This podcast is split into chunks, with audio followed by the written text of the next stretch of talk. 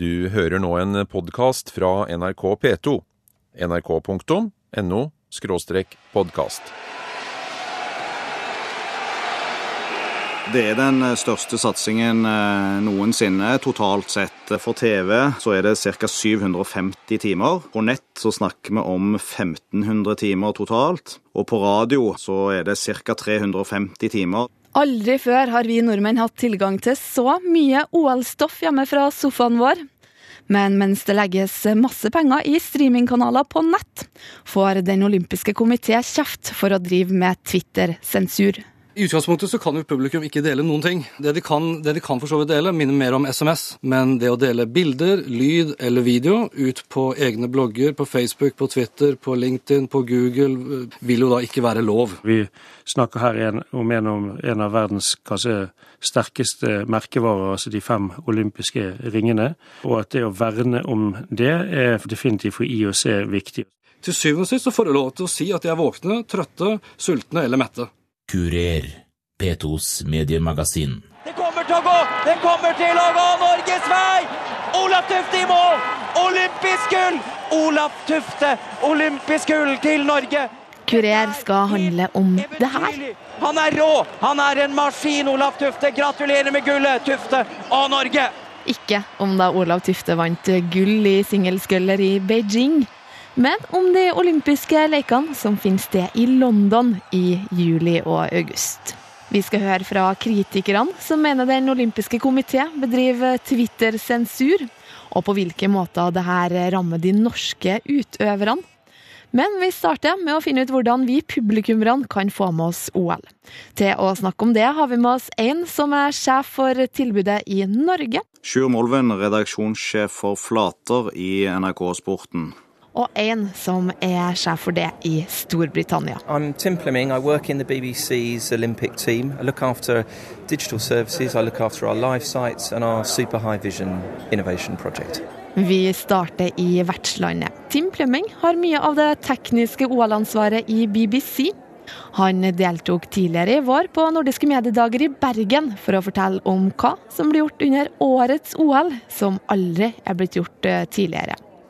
Eksperimenteringa med nye formidlingsmåter starta allerede for over en måned siden, da OL-ilden ble tent. We uh, have three cameras on a media vehicle that's going to follow the torch, and then we're going to use a mixture of satellite and 3G transmission networks to be able to stream that torch, primarily, really, to the BBC's website, so that you can sit in your office and you can watch the torch as it works its way around the UK um, on the internet, and at various times, of course, for our news channels where there's a really interesting moment, then we'll be providing that for our main television services as well. Ilden blir altså filma av tre kamera. Det hele streames 24 timer i døgnet på BBC sine hjemmesider, tilgjengelig for alle.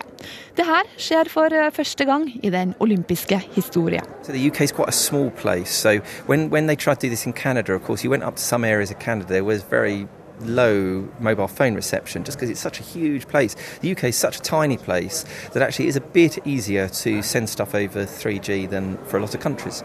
BBC har ikke spart på teknologikronene under årets sommer-OL. Seks steder rundt om i verden bygges det egne kinoaktige saler, hvor OL vil vises til de som ikke har fått seg billetter til London. So we're going to build three viewing theatres in the UK, in Glasgow in Scotland, in Bradford in the north of England, and in London. There's also going to be a screening venue in uh, Tokyo and in Osaka in Japan, and we're also building one for NBC Comcast in Washington. For de mest ihuga OL-seerne i Storbritannia blir det mulig å få med seg hva de vil fra lekene. Alt som foregår på banene, i lufta og i vannet, vil nemlig sendes på streamingkanaler på nett. We'll stream up to 24 channels in HD. That will cover everything that's happening live at any one time. But of course, every country has a different uh, way of doing covering the Olympic Games.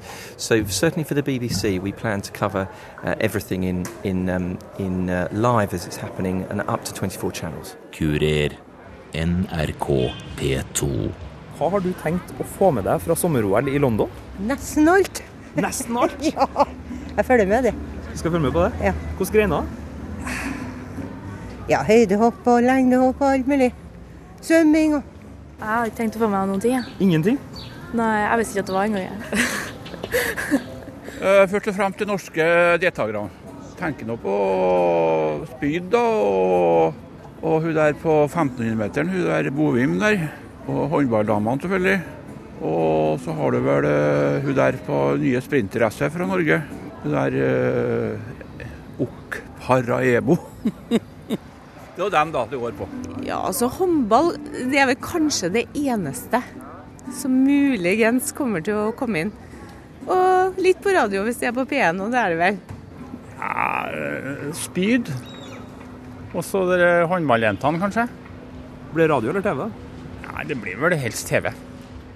På NRK1 så er det OL nesten døgnet rundt, bare med avbrudd av Dagsrevyen, som i hovedsak ligger i sin faste eh, faste tid klokka 19.00. Riktignok eh, på kun en halv time under OL. Og så er det Kveldsnytt òg, da, eh, som har sin, eh, sin faste plass. Men det betyr at ca. 22-23 timer i døgnet på NRK1. Eh, Og på NRK2 der vil det òg bli bortimot eh, døgnsending på, eh, på, med OL-stoff, da. Sjur Molven er sjefen for programflatene i NRK-sporten, og for hvor mye OL du og jeg kan følge på radio, TV og nett. Det er den største satsingen noensinne totalt sett. Det går både på antall timer med OL-stoff på de tre plattformene, og nytt er jo at vi denne gang skal ha et nattilbud òg til publikum. Eh, Det blir Eh, ikke der vi putter ressursene på noen måte. Det blir mye mm, lange øvelser og sammendrag eh, som ligger på natta, men det er mest fordi at det skal til enhver tid være et OL-tilbud på NRK.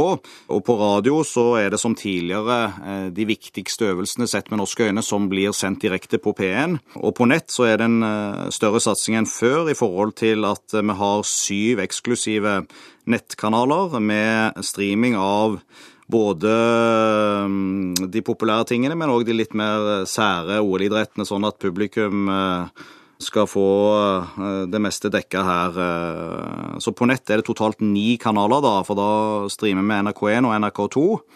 Eh, TV-sendingen, og så er det i tillegg altså syv kanaler som da kan brukes til å sende det som vi ikke får plass til på, eh, på TV-kanalene. Mens det britiske publikummet kan følge samtlige aktiviteter på 24 streamingkanaler, kan vi i Norge altså følge ni aktiviteter på nett. Til sammen 1500 timer med nett-OL. Men hvorfor streames ikke alle aktiviteter også her til lands? De aller, aller fleste følger NRK1 og NRK2 på nettet. Eh, Det er der det er desidert størst trafikk. Det er ganske marginalt eh, hva folk da velger eh, som ren eksklusiv nettstream.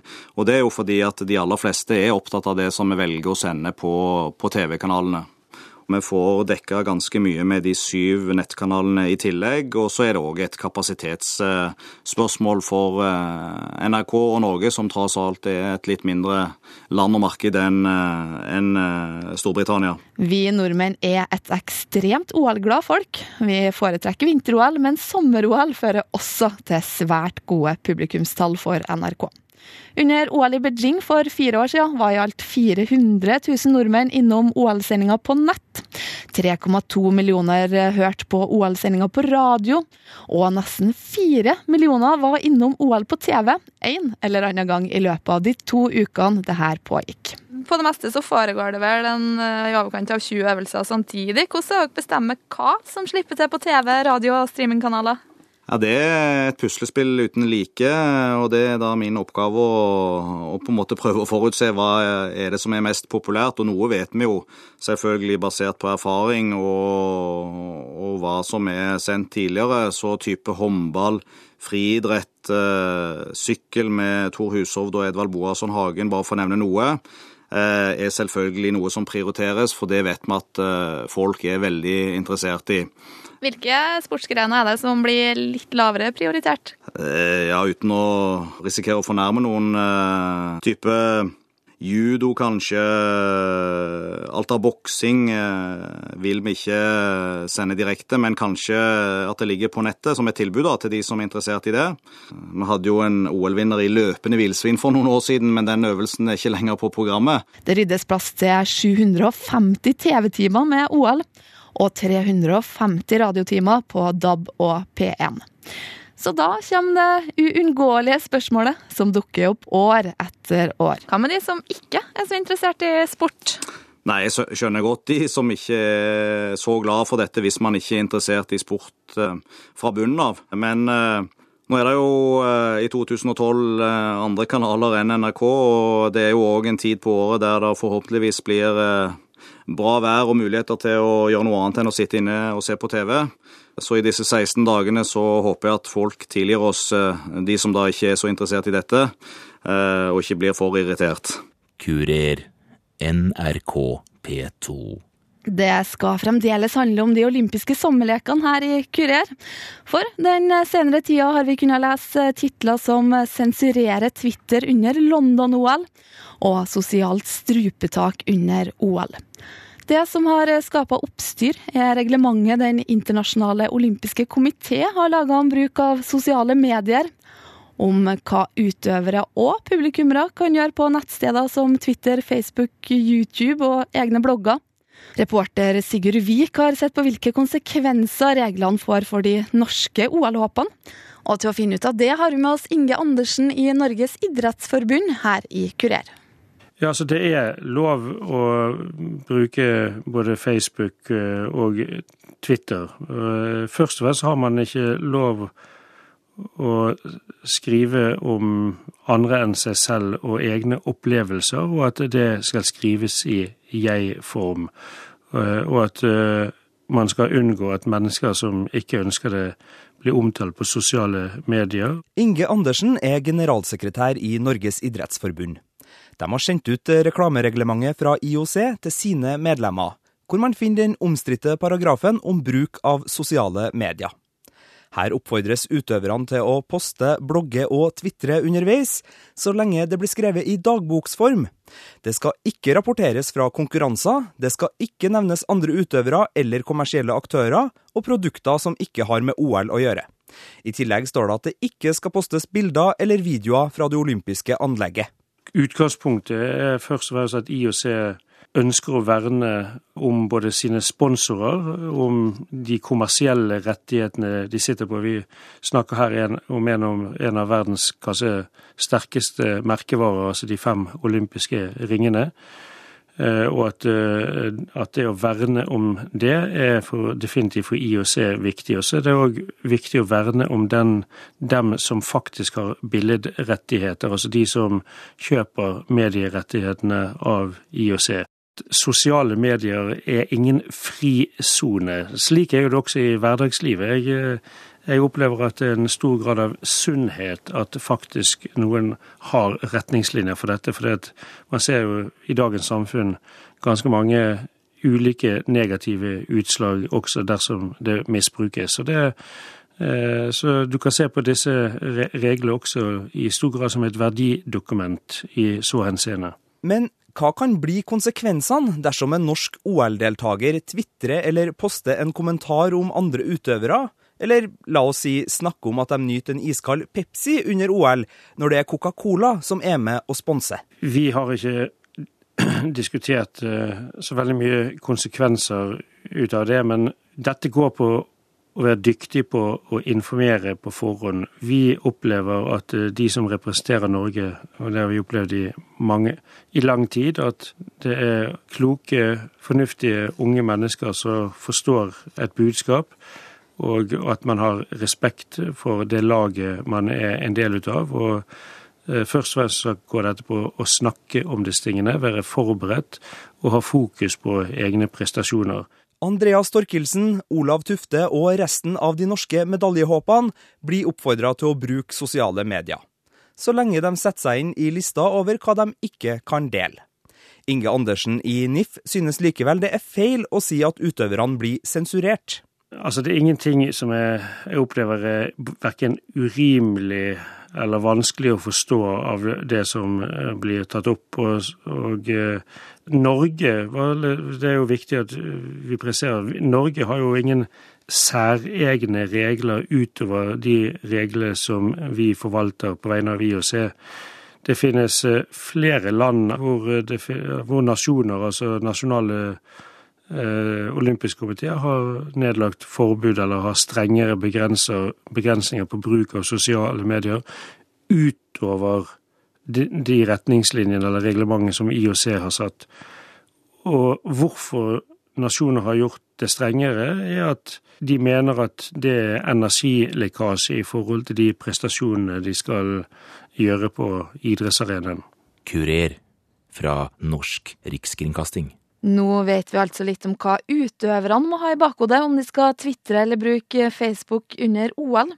Men hva med publikum? Til å snakke om det har jeg med meg to stykker som skal få lov til å presentere seg sjøl. Ja, mitt navn er Hans Petter Nygaard Hansen, og jeg jobber til daglig eh, som rådgiver i PR- og kommunikasjonsbyrået Gelmyden Kise. Jeg er Jørgen Helland. Jeg eh, jobber som digital rådgiver i Halogen, og jeg foreleser på BI i sosiale medier. Og du Jørgen, du er i pappaperm, så i tillegg til dere to, så har vi med oss eh, ti måneder gamle Malena i studio i dag. Men Hans Petter Nygaard Hansen, vi starter med deg. Du har uttalt at eh, IOC tar et sosialt strupetak under OL i London. Hva mener du med det? Ja, altså Hvis du tenker deg et strupetak, så, så, er det jo snakk om da å, å, nærmest hindre folk i å kunne snakke. Et kvelertak, et strupetak, eh, eller bare det å holde hendene på munn, eh, så syns jeg det er det de gjør. I hvert fall da når de legger opp til at det, dette OL-et her visstnok da skal være et uh, sosialt medier-type OL. Uh, så syns jeg ikke det er veldig mye som minner om det, annet enn på IOC og Locog sine egne premisser. Ja, Helt konkret, hva er det du reagerer på? Eh, altså Det er flere ting her. Det jeg reagerer mest på, er vel, eh, er vel eh, begrensningene de ønsker å legge på, på publikum.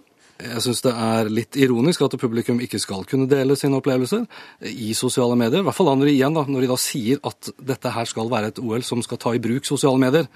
Eh, hadde de da valgt å si at det ikke er lov, eh, og vi ikke ønsker å legge liksom vekt på sosiale medier, så, så, kunne man jo respektert det på lik linje som man må respektere forbud mot å filme på kino eller, eh, eller filme eller ta bilder under, under konserter. Men, men, her sier man én ting, og så mener man noe helt annet. Hva har de sagt vedrørende hva publikum kan dele? Eh, I utgangspunktet så kan jo publikum ikke dele noen ting. Eh, det de kan, det de kan for så vidt dele, minner mer om SMS. De har lov til å, å liksom si ifra hvor de er. De har lov å sjekke inn antageligvis på at de er faktisk da på et olympisk arrangement. Men det å dele bilder, lyd eller video ut på egne blogger, på Facebook, på Twitter, på LinkedIn, på Google, på Instagram, hva det måtte være, vil jo da ikke være lov. Jørgen Helland, du forstår at Den internasjonale olympiske komité ikke vil at folk skal kunne poste hva de vil under beskytta Twitter-ord som Olympics eller Summer Games f.eks. Og at de heller ikke kan legge ut bilder fra hva de vil av aktiviteter. Hvorfor forstår du det? Ja, Dette dreier seg om hensynet til de kommersielle interessene som er knytta til eh, OL. Eh, annonsørene har betalt for oppmerksomheten eh, de får gjennom arrangementet. Og eh, IOC prøver å beskytte deres interesser ved å hindre andre annonsører å snike sitt budskap inn i denne strømmen av informasjon som kommer fra eh, lekene gjennom sosiale medier. Hans Petter Nygaard Hansen, du nevnte at du synes det er paradoksalt at OL i London oppfordrer deltakere og publikum til å bruke sosiale medier, samtidig som det finnes ei forholdsvis lang liste over hva man ikke kan gjøre. Men er egentlig forbudene noe strengere her enn ved andre store sports- eller kulturarrangementer?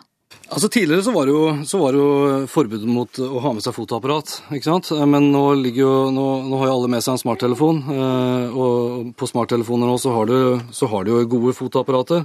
Eh, så konsertarrangørene har jo mer eller mindre gitt, eh, gitt det her helt åpent ut, fordi de har jo også merket seg og Musikk er annerledes enn OL, for all del. For vi vet jo også at artister i dag selger jo færre CD-plater enn det de gjorde før. Så de er jo mer eller mindre veldig positive til all den oppmerksomheten de kan få rundt arrangementer som konserter. Eh, I den grad da folk tar bilder og tvitrer om det og, og legger ut videosnutter på YouTube osv., så, videre, så er det med på å opprettholde fokuset. Eh, Jørgen eh, Helland, du sier at IOC har gjort dumt i å hisse på seg de ivrigste brukerne av sosiale medier i forkant. Hva mener du med det? Nei, det er jo å hisse på seg sånne som Hans Petter Nygaard Hansen Det er jo en dårlig strategi hvis du har lyst til å spre budskapet på sosialt budskap, eh, eller sosialt OL. Eh, Der er jo superbrukere i veldig mange land som er veldig eh, toneangivende for informasjonsstrømmen om hva som kommer ut rundt OL. Så de kan jo fint finne på å vende seg mot OL og skrive negativt om det, eller poste negative ting. Og i ytterste konsekvens så kan det jo være folk som går aktivt ut for å undergrave budskapet til IOC gjennom retningslinjene, og bevisst manipulere inn sponsorbudskap eller aktivistbudskap i, i informasjonen rundt OL i sosiale medier. Hans Petter Nygaard Hansen, hvilke konsekvenser mener du det kan ha at både publikummere og utøvere blir ilagt det du kaller en form for eh, sensur? For utøverne sin del så er tapet størst og, eh, først og fremst da størst for amatøridretten. Altså de amatørutøverne som ikke har de, det store sponsorapparatet bak seg, som er avhengig kanskje da av å maksimere sin egen merkevare gjennom da sosiale medier, de vil jo da bli sensurert. Altså de, Lokog har jo sjøl sagt at de oppfordrer alle til å delta i sosiale medier inne på, på deres egen arena, altså den olympiske Athletes Hub, som de kaller det. Men de vil også forsøke å sensurere deltakerne som tvitrer og facebooker på sine egne sider, på sine egne hjemmesider og på blogger. Så Tor, Tor Hushovd som et eksempel har jo eh, sin egen nettside som heter Team Hushovd, eller Team Tor Hushovd. Og, og, Han har jo sine sponsorer der og sine budskaper der. og i, i, den perioden som OL foregår, så må jo han da fjerne f.eks. da de eh, annonselogoene som ligger ute på hans hjemmeside. Hva han får lov og ikke får lov til å si da på Facebook, det, det er jo ikke så veldig mye når alt kommer til alt, når man har lest reglementet til IOC.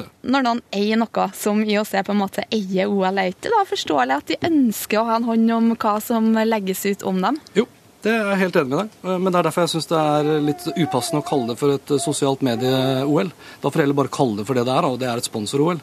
Hvilke overtramp er det vi kommer til å se under eh, OL i London? Jeg tror vi kommer til å ende opp med at det kommer til å dreie seg utelukkende om sponsorer og misbruk av sponsorobjekter eller, eller snikmarkedsføring. Eh, Mm. Ser engelskmenn eller amerikanske medier bruke uttrykket ambush marketing, altså bakholdsmarkedsføring, og det, det er det jeg tror det dreier seg om. Det kommer sannsynligvis ikke til å dreie seg om hva folk flest holder på med. Men det, og det er det som er, det er det jeg syns er Da er det litt dumt, da, som jeg, jeg har sagt det før, at man går litt baklengs inn i fremtiden. Så istedenfor å liksom omfavne de positive mulighetene som ligger i å motivere deltakere og eh, publikum til å engasjere seg og faktisk da være med på å dele denne, si, denne offline-opplevelsen online, for å skape et så positivt som mulig overhodet inntrykk av hvor, hvor fantastisk arrangementet er, så, så begynner man da i feil retning.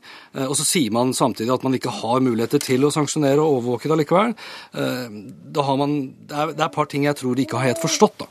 Tror dere man vil ha ei tilsvarende liste med slike regler for bruk av sosiale medier, og hva man kan poste av bilder og video også under kommende OL?